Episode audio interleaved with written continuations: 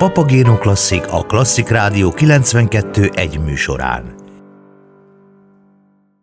In Memoriam Petrovics Emil címmel különleges est vár mindenkit a Zeneakadémián szeptember 14-én.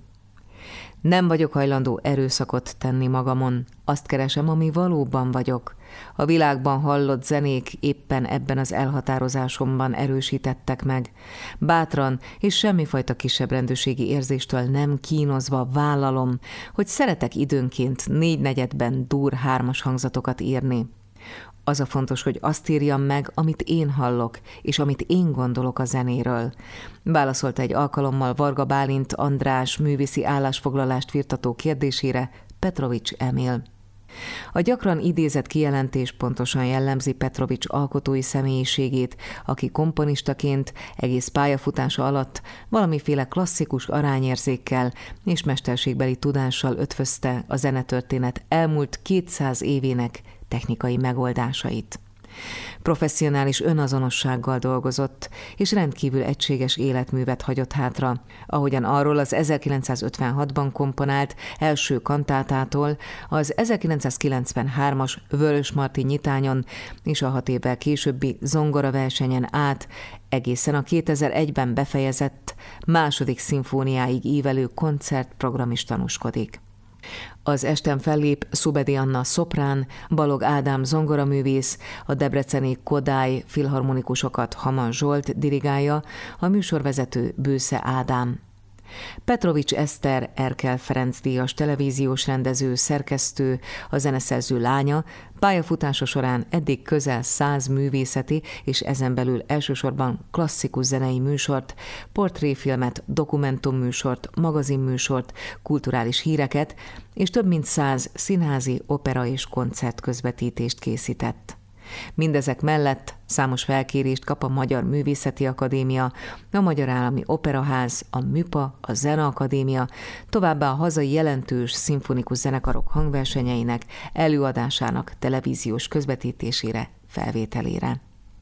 Petrovics Eszterrel arról is beszélgettem, édesapja emlékét megidézni magánemberként is szakmai szempontból is rendkívül különleges, de egy ilyen estén, mint amely szeptember 14-én vár mindenkit a Zeneakadémián, inkább magánemberként lesz -e jelen, vagy elkerülhetetlen a szakmázás. Muszáj szakmázni is, de hát természetesen lányaként nagyon boldogan és odadóan foglalkozom ezzel a mhm. szakmai résszel is, ha mondhatom így az én feladatom ápolni azt a hagyatékot, amit rám hagyott, ami hát nagyon fontos számomra, hogy elhangozzanak a művei. Tíz évvel ezelőtt halt meg, és ezért is egy külön, hogy úgy mondjam, apropó, hogy hallgassuk az ő zenéjét, emlékezhessünk rá, mindazok ott legyenek a Zeneakadémián, akik szerették, akik tanítványai voltak, barátai voltak, és akik hozzám is tartozó emberek, Úgyhogy ezért nagyon fontosnak éreztem, hogy létrejöjjön ez a koncert, és nagyon boldog vagyok, hogy megvalósulhat. Tudom, hogy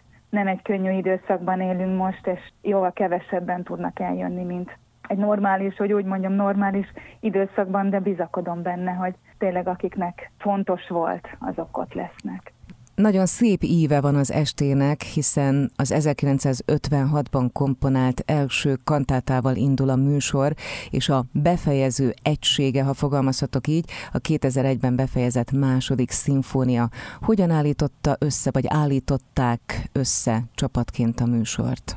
Mindenképpen szót kell ejtenem Hamar Zsolt karmesterről, aki édesapám tanítványa volt, még zeneszerző hallgatója volt, és utána váltott pályát, hogy így mondjam, de azért a zeneszerző énje is megmaradt, és sok mindent komponál, de ugye elsősorban manapság karmesterként ismerjük. Nagyon-nagyon szoros kapcsolat fűzte őket össze, szinte egy ilyen atyai, apa-fiú kapcsolódás lett belőle, az is nagyon fontos, hogy édesapám a második szimfóniát neki ajánlotta, és a pécsi szimfonikusoknak, amikor még Hamar Zsolt ott tevékenykedett, és az zongora versenyt is Hamar Zsolt mutatta be, tehát ő nagyon fontos szereplője édesapám műveinek a terjesztésében és közreműködésében, úgyhogy ez teljesen egyértelmű volt, hogy ő legyen az es karmestere, és vele együtt gondoltuk ki a műsort, nem hiányozhattak ezek a művek. Az első kantáta az a diplomadarabja, nagyon-nagyon népszerű mű, azt kell, hogy mondjam, egy nagyon szép mű, egy szoprán szólóra írott vokális mű, amit nagyon szeret a közönség. Tehát azt kell, hogy mondjam, hogy, hogy a népszerű mű is szerepel a programban. A nyitány pedig, a Vörös Marti nyitány pedig összegzi mindazt az irodalom iránti szeretetét, nem csak a magyar irodalom, de a világirodalom iránti szeretetét, ami kísérte édesapám életét. A magyar költészet elkötelezett híve volt. Pályája furcsa módon úgy alakult, hogy mégis a zene felé fordul, de a magyar-francia tanári szakra akart menni még korábban, tehát ötös kollégista volt, csak éppen abban az évben szüntették meg az ötös kollégiumot, tehát nem kezdhette el a tanulmányait, így a Zeneakadémián kezdte meg a tanulmányait, tehát az irodalmi érintettség mindig is jelen volt, nem véletlen, hogy a vokális művek ilyen nagy számúak az életműben. Miért unikális mindaz, amit Petrovics Emil képvisel a hazai és a nemzetközi zenei életben. Biztos, hogy vannak olyan elemei ennek a gyönyörű pályának, ami minden szempontból egyedülállóvá tette ő azért visszakanyarodott a klasszikus formákhoz, és ez a koncertprogram is mutatja, hogy ő mert szonáta formában írni, mert hangokat írni, mert dallamot írni, tehát mindazt, amitől már a 20.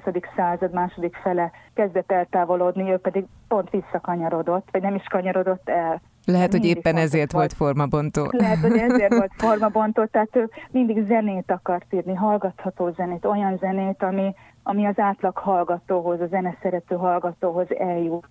Ami az ön számára igazán fontos ebben az estében, az túl azon, amit ön is említett, hogy Petrovics Emil emlékét ápolni kell, és a következő generációk számára is elérhetővé tenni. Vajon hogyan lehet még megsegíteni egy ilyen pályának a kvázi életben tartását?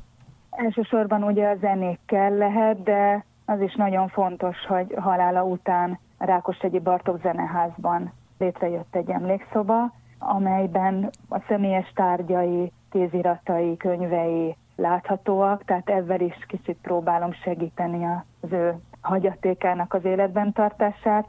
Bokor Jutta operaénekesnő, aki a Rákosegyi Bartók Zeneházat igazgatja, elévülhetetlen érdemei vannak, hogy ez létrejöhetett ez a kezdeményezés, és megvalósult az emlékszoba, és mindig, amikor ott koncert van, program van, mindig Jutta körbevezeti az odalátogatókat, hogy lám-lám itt is van egy emlékszoba, nem is beszélve arról, hogy nekem is nagyon nagy megtiszteltetés, hogy abban a Bartók házban, ahol ugye Bartók a tízes években lakott, ahol a színpadi művek születtek, hát mi kell még ennél jobb, mint hogy édesapám úgymond társbérletben ott van mhm. mellette. Petrovics Eszterrel beszélgettem annak okán, hogy édesapja Petrovics Emil halálának tizedik évfordulója alkalmából In Memoriam Petrovics Emil címmel különleges est vár mindenkit a Zeneakadémián szeptember 14-én.